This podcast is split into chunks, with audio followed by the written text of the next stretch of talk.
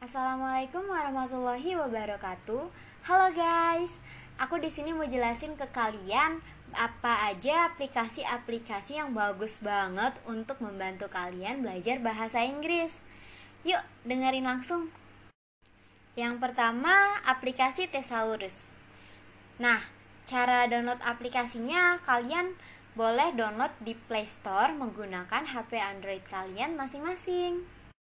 Mungkin beberapa dari kalian masih kurang familiar dan terdengar rada asing dengan aplikasi Thesaurus ini. Assalamualaikum warahmatullahi wabarakatuh. Halo guys, aku di sini mau jelasin beberapa aplikasi-aplikasi yang baik banget buat kalian bagi yang mau belajar bahasa Inggris. Yang pertama itu aplikasi Thesaurus. Nah, untuk mendapatkan aplikasi Thesaurus ini, kalian bisa download aplikasi ini di Play Store menggunakan HP kalian masing-masing. Mungkin aplikasi ini terdengar kurang familiar dan terdengar asing ya dibandingkan dengan kamus. Eits, ada bedanya loh. Kamus Thesaurus ini memiliki perbedaan isi dan fungsi dengan kamus seperti biasanya.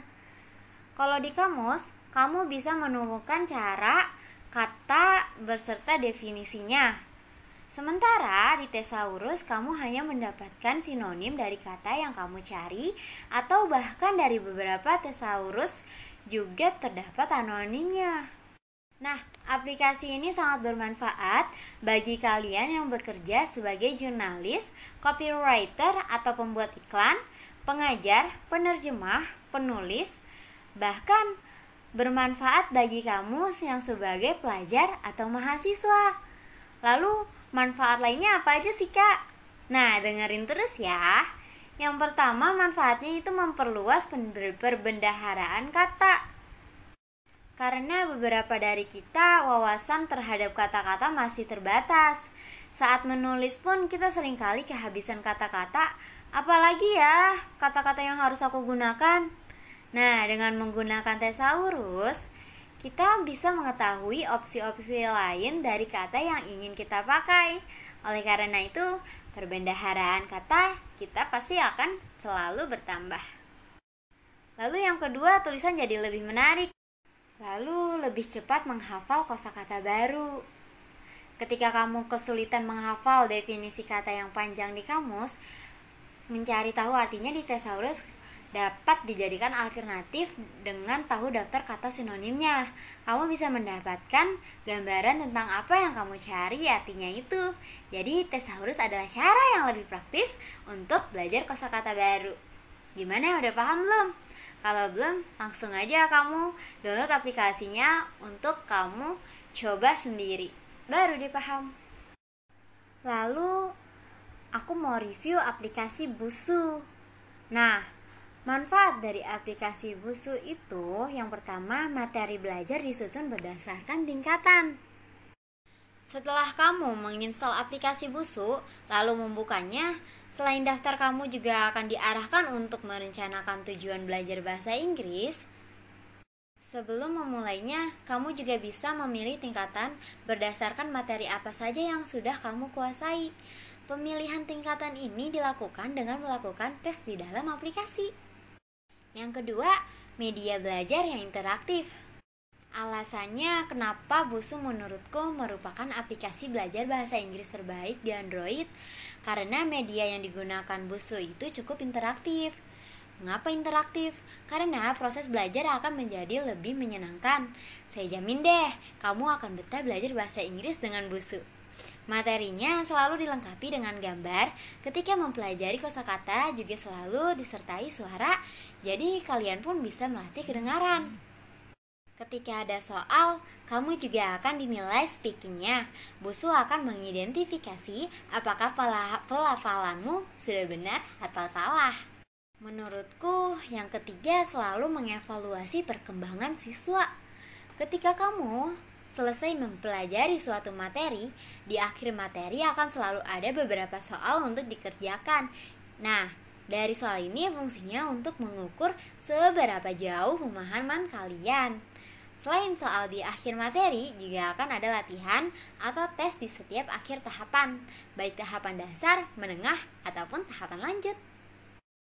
Nah, itu kelebihan. Kelemahannya, eh, aplikasi Busu ini butuh koneksi internet. Jadi, kalian harus menyambungkan internet data kalian atau WiFi. Lalu yang kedua kalian harus upgrade untuk mempelajari semua materi. Kelemahan busu adalah kamu tidak bisa mengakses semua materi tanpa mengupgrade alias harus bayar. Jadi materi yang kamu dapatkan secara gratis itu kurang komplit sih. Yang ketiga, mengulang dari awal setelah di close. Ketika kamu membuka sebuah materi, kamu harus menyelesaikan saat itu juga sampai habis kalau kamu close, kamu tidak bisa melanjutkan dari terakhir. Harus di awal, harus dari awal lagi, begitu. Nah, masih penasaran? Langsung aja coba aplikasi yang kedua ini.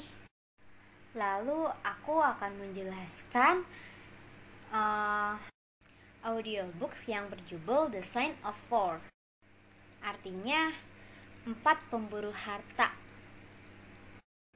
dengan tokoh utama itu Sherlock Holmes yang wataknya cerdas, teliti, pekerja keras, dan pantang menyerah.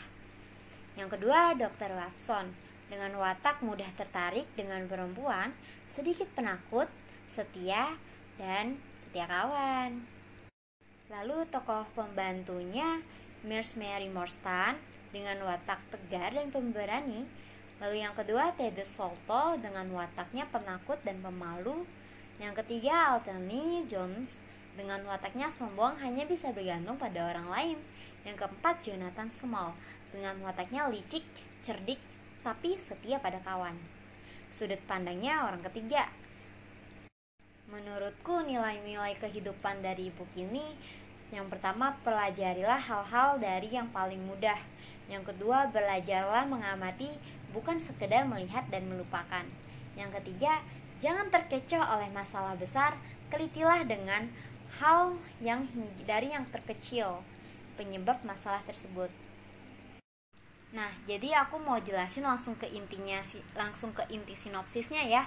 Jadi di intinya itu si Holmes itu merasa perlu menjutikan kokain ke dirinya sendiri gara-gara otaknya yang tidak bisa diam terpaksa harus dia karena tidak ada kasus membuat temannya Watson yang juga seorang dokter merasa sangat khawatir. Nah, untunglah kekhawatiran si Watson itu tidak berlangsung lama. Jadi, Miss Mary Mostan datang dengan kasus rumitnya yang membuat otak Holmes punya kerjaan. Lalu Mary Morstan mengalami kejadian aneh. Ayahnya yang berjanji menemuinya hilang tidak ada kabarnya. Enam tahun kemudian ada iklan aneh yang meminta alamat Mary Morstan dan mengirimkan kalung mutiara yang besar dan indah kepadanya. Sejak itu setiap setiap tahun Mary Morstan mendapat kiriman mutiara. Nah, bingung kan? Kok bisa dapat kiriman mutiara setiap tahunnya? Jadi di hari yang sama ketika ia menemui Holmes, Mary Morstan mendapatkan surat yang menyuruhnya untuk datang ke teater Lyceum dan dia diizinkan untuk membawa dua orang temannya loh. Nah, jadilah bersama Holmes dan Watson. Jadi dia berangkat tetap jadi berangkat bareng sama Holmes dan Watson. Mary pergi ke tempat tersebut dan dia dibawa ke sebuah rumah di mana seseorang yang bernama Teddy Solto, seorang pria kecil yang selalu gugup yang, yang sudah menunggu lama. Jadi Teddy Solto menceritakan bahwa ayahnya dan ayah Mary mendapatkan harta karun dalam jumlah besar di India mereka bertengkar dalam pembagian harta tersebut dan menyebabkan ayah Mary meninggal karena serangan jantung. Ayah Solto menyembunyikan harta karun tersebut, namun ia meninggal sebelum sempat memberitahukan di mana letak harta karun itu. Di malam ia meninggal, kamarnya digeledah langsung sama seorang seseorang dan meninggalkan kertas yang terbertuliskan tanda empat merasa bersalah dengan Mary, Tades mengirim mutiara-mutiara yang merupakan bagian kecil dari harta tersebut yang tidak disimpan ayahnya.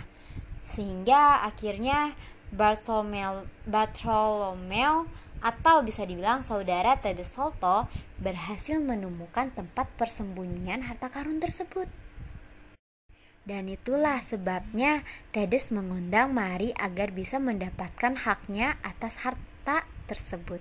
Namun, ketika mereka mendatangi rumah Bartholomew, mereka menemukan tersangka oleh Athelney Jones, yaitu detektif setempat dengan kadar omong kosong yang tinggi.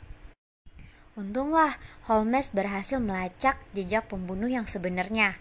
Dengan sedikit bantuan dari Toby, si anjing pencari jejak dan gelandangan Baker Street mengakibatkan kejar-kejaran dua kapal tercepat.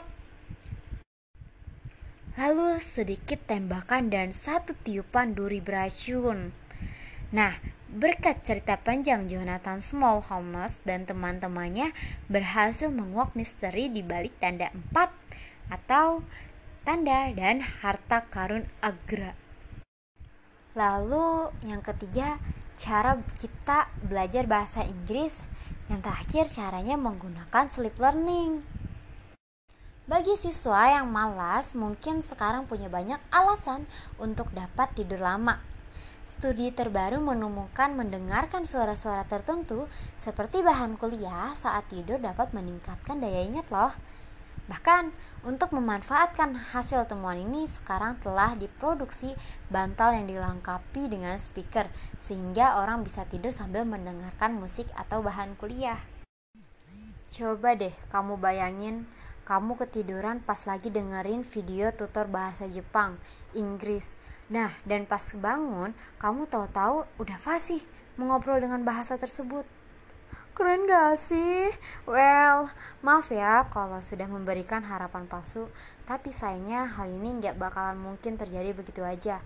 Meski begitu, skenario yang nyaris serupa pernah terjadi dalam sebuah penelitian yang dipublikasikan di jurnal ilmiah bertajuk Nature Communication pada Agustus 2017 lalu beberapa jurnal ilmiah yang sama juga mempublikasikan sebuah penelitian yang menunjukkan bahwa untuk bisa menyerap materi secara efektif, seseorang gak cuma butuh tidur aja, tapi kita juga butuh deep sleep. Hah? Apa sih deep sleep?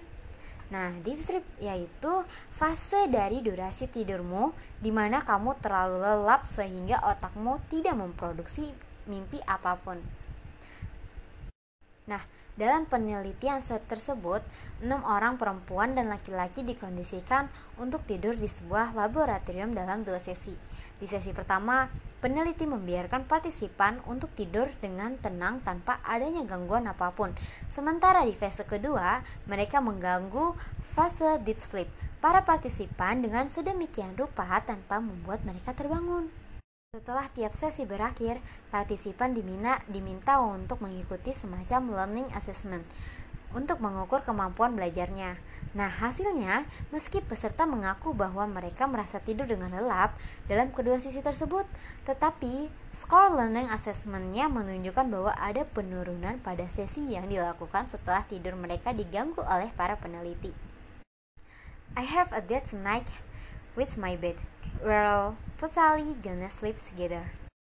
Nah, selain itu, menurut aku sih manfaat dari belajar sambil tidurnya atau sleep learning ini kita bisa mendengarkan belajar lebih enjoy, lebih relax dan benar-benar gak ada beban dibanding kalian bisa belajar atau mendengarkan sambil duduk tegak dengan tegang memegang buku, pulpen segala macam.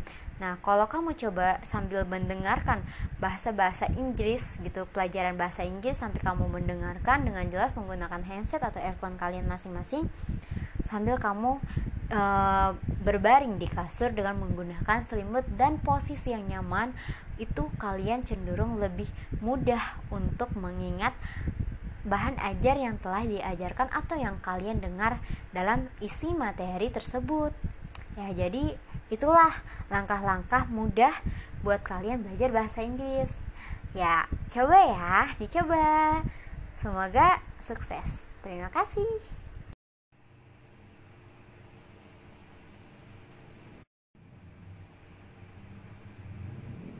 Assalamualaikum warahmatullahi wabarakatuh. Halo guys, aku di sini mau jelasin ke kalian apa aja aplikasi-aplikasi yang bagus banget untuk membantu kalian belajar bahasa Inggris. Yuk, dengerin langsung. Yang pertama, aplikasi Thesaurus. Nah, cara download aplikasinya kalian boleh download di Play Store menggunakan HP Android kalian masing-masing. Mungkin beberapa dari kalian masih kurang familiar dan terdengar rada asing dengan aplikasi Thesaurus ini. Assalamualaikum warahmatullahi wabarakatuh. Halo guys, aku di sini mau jelasin beberapa aplikasi-aplikasi yang baik banget buat kalian bagi yang mau belajar bahasa Inggris. Yang pertama itu aplikasi Thesaurus. Nah, untuk mendapatkan aplikasi Thesaurus ini, kalian bisa download aplikasi ini di Play Store menggunakan HP kalian masing-masing. Mungkin aplikasi ini terdengar kurang familiar dan terdengar asing ya dibandingkan dengan kamus. Eits, ada bedanya loh. Kamus Thesaurus ini memiliki perbedaan isi dan fungsi dengan kamus seperti biasanya. Kalau di kamus, kamu bisa menemukan cara, kata, berserta definisinya. Sementara di Thesaurus kamu hanya mendapatkan sinonim dari kata yang kamu cari atau bahkan dari beberapa Thesaurus juga terdapat anonimnya. Nah, aplikasi ini sangat bermanfaat bagi kalian yang bekerja sebagai jurnalis, copywriter atau pembuat iklan, pengajar, penerjemah, penulis, bahkan bermanfaat bagi kamu yang sebagai pelajar atau mahasiswa. Lalu, Manfaat lainnya apa aja sih kak? Nah dengerin terus ya. Yang pertama manfaatnya itu memperluas perbendaharaan kata. Karena beberapa dari kita wawasan terhadap kata-kata masih terbatas. Saat menulis pun kita sering kali kehabisan kata-kata. Apalagi ya kata-kata yang harus aku gunakan. Nah dengan menggunakan tesaurus kita bisa mengetahui opsi-opsi lain dari kata yang ingin kita pakai. Oleh karena itu, perbendaharaan kata kita pasti akan selalu bertambah. Lalu yang kedua, tulisan jadi lebih menarik. Lalu lebih cepat menghafal kosakata baru. Ketika kamu kesulitan menghafal definisi kata yang panjang di kamus, mencari tahu artinya di thesaurus dapat dijadikan alternatif dengan tahu daftar kata sinonimnya. Kamu bisa mendapatkan gambaran tentang apa yang kamu cari artinya itu. Jadi tesaurus adalah cara yang lebih praktis untuk belajar kosakata baru. Gimana udah paham belum? Kalau belum, langsung aja kamu download aplikasinya untuk kamu coba sendiri. Baru dipaham. Lalu, aku mau review aplikasi Busu. Nah, Manfaat dari aplikasi Busu itu yang pertama materi belajar disusun berdasarkan tingkatan. Setelah kamu menginstal aplikasi Busu lalu membukanya, selain daftar kamu juga akan diarahkan untuk merencanakan tujuan belajar bahasa Inggris. Sebelum memulainya, kamu juga bisa memilih tingkatan berdasarkan materi apa saja yang sudah kamu kuasai. Pemilihan tingkatan ini dilakukan dengan melakukan tes di dalam aplikasi. Yang kedua, media belajar yang interaktif. Alasannya kenapa Busu menurutku merupakan aplikasi belajar bahasa Inggris terbaik di Android karena media yang digunakan Busu itu cukup interaktif. Mengapa interaktif? Karena proses belajar akan menjadi lebih menyenangkan. Saya jamin deh, kamu akan betah belajar bahasa Inggris dengan Busu. Materinya selalu dilengkapi dengan gambar. Ketika mempelajari kosakata juga selalu disertai suara, jadi kalian pun bisa melatih kedengaran. Ketika ada soal, kamu juga akan dinilai speakingnya. Busu akan mengidentifikasi apakah pelafalanmu sudah benar atau salah. Menurutku, yang ketiga selalu mengevaluasi perkembangan siswa. Ketika kamu selesai mempelajari suatu materi, di akhir materi akan selalu ada beberapa soal untuk dikerjakan. Nah, dari soal ini fungsinya untuk mengukur seberapa jauh pemahaman kalian. Selain soal di akhir materi, juga akan ada latihan atau tes di setiap akhir tahapan, baik tahapan dasar, menengah, ataupun tahapan lanjut. Nah, itu kelebihan. Kelemahannya uh, aplikasi Busu ini butuh koneksi internet. Jadi kalian harus menyambungkan internet data kalian atau WiFi. Lalu yang kedua, kalian harus upgrade untuk mempelajari semua materi. Kelemahan busu adalah kamu tidak bisa mengakses semua materi tanpa mengupgrade alias harus bayar. Jadi materi yang kamu dapatkan secara gratis itu kurang komplit sih. Yang ketiga, mengulang dari awal setelah di close. Ketika kamu membuka sebuah materi, kamu harus menyelesaikan saat itu juga sampai habis kalau kamu close, kamu tidak bisa melanjutkan dari terakhir. Harus di awal, harus dari awal lagi. Begitu. Nah, masih penasaran? Langsung aja coba aplikasi yang kedua ini. Lalu aku akan menjelaskan uh, audiobooks yang berjudul The Sign of Four. Artinya empat pemburu harta dengan tokoh utama itu Sherlock Holmes yang wataknya cerdas, teliti, pekerja keras, dan pantang menyerah. Yang kedua, Dr. Watson dengan watak mudah tertarik dengan perempuan, sedikit penakut, setia, dan setia kawan. Lalu tokoh pembantunya Mirs Mary Morstan dengan watak tegar dan pemberani. Lalu yang kedua Ted Solto dengan wataknya penakut dan pemalu yang ketiga, Altony Jones dengan wataknya sombong hanya bisa bergantung pada orang lain.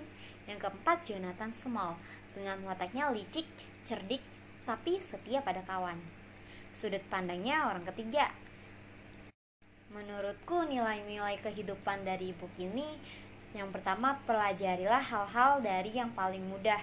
Yang kedua, belajarlah mengamati bukan sekedar melihat dan melupakan. Yang ketiga, Jangan terkecoh oleh masalah besar, telitilah dengan hal yang dari yang terkecil penyebab masalah tersebut. Nah, jadi aku mau jelasin langsung ke intinya langsung ke inti sinopsisnya ya.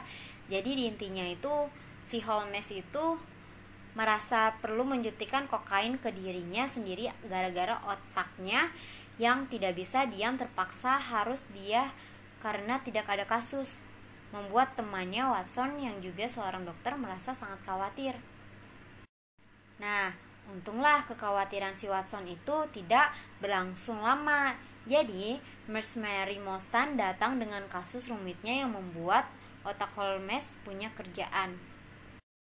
Lalu Mary Morstan mengalami kejadian aneh. Ayahnya yang berjanji menemuinya hilang tidak ada kabarnya. Enam tahun kemudian ada iklan aneh yang meminta alamat Mary Morstan dan mengirimkan kalung mutiara yang besar dan indah kepadanya. Sejak itu setiap setiap tahun Mary Morstan mendapat kiriman mutiara. Nah, bingung kan? Kok bisa dapat kiriman mutiara setiap tahunnya?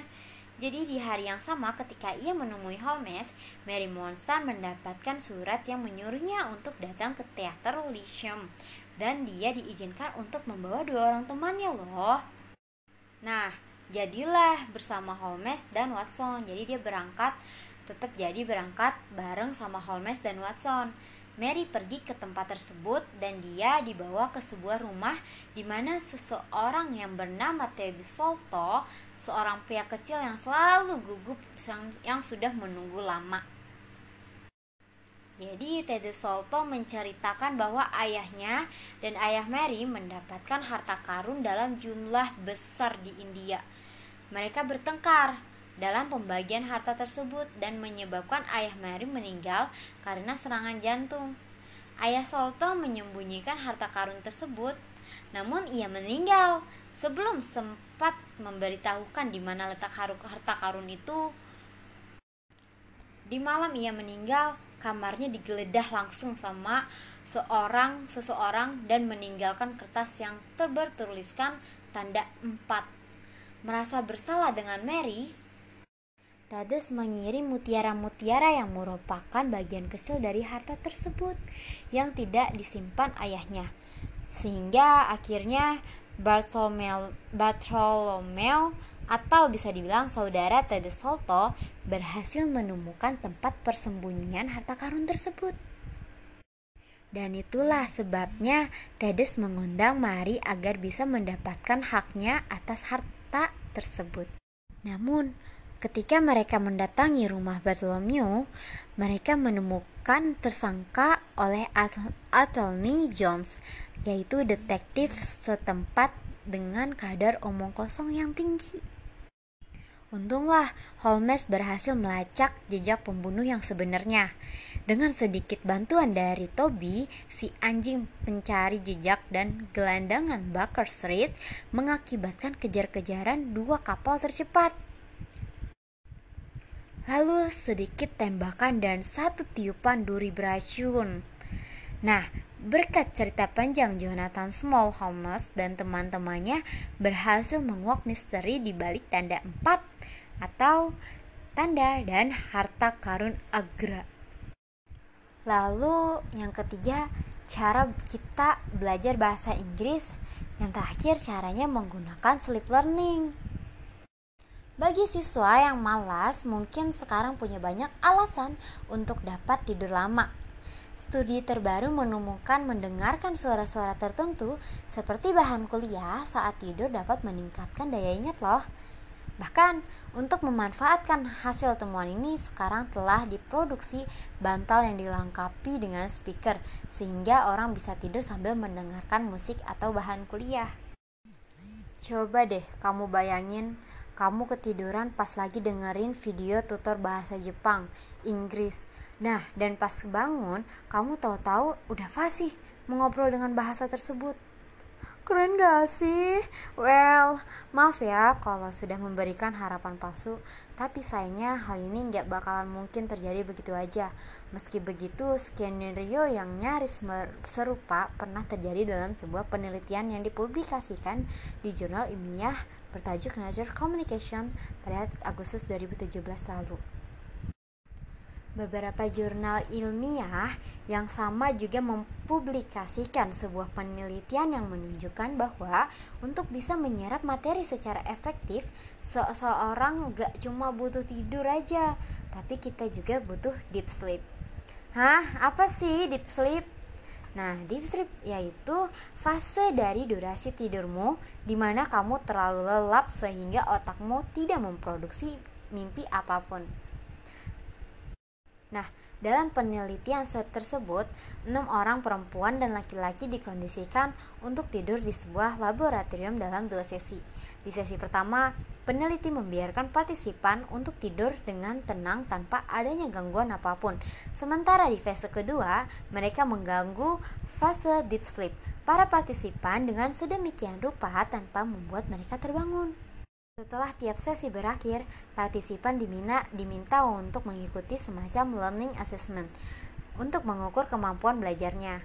Nah, hasilnya, meski peserta mengaku bahwa mereka merasa tidur dengan lelap dalam kedua sisi tersebut, tetapi skor learning assessment-nya menunjukkan bahwa ada penurunan pada sesi yang dilakukan setelah tidur mereka diganggu oleh para peneliti. I have a dead tonight with my bed. We're totally gonna sleep together. Nah, selain itu, menurut aku sih manfaat dari belajar sambil tidurnya atau sleep learning ini kita bisa mendengarkan belajar lebih enjoy, lebih relax dan benar-benar gak ada beban dibanding kalian bisa belajar atau mendengarkan sambil duduk tegak dengan tegang memegang buku, pulpen segala macam. Nah, kalau kamu coba sambil mendengarkan bahasa-bahasa Inggris gitu, pelajaran bahasa Inggris sampai kamu mendengarkan dengan jelas menggunakan handset atau earphone kalian masing-masing sambil kamu e, berbaring di kasur dengan menggunakan selimut dan posisi yang nyaman, itu kalian cenderung lebih mudah untuk mengingat bahan ajar yang telah diajarkan atau yang kalian dengar dalam isi materi tersebut. Ya, jadi Itulah langkah-langkah mudah buat kalian belajar bahasa Inggris. Ya, coba ya, dicoba. Semoga sukses. Terima kasih.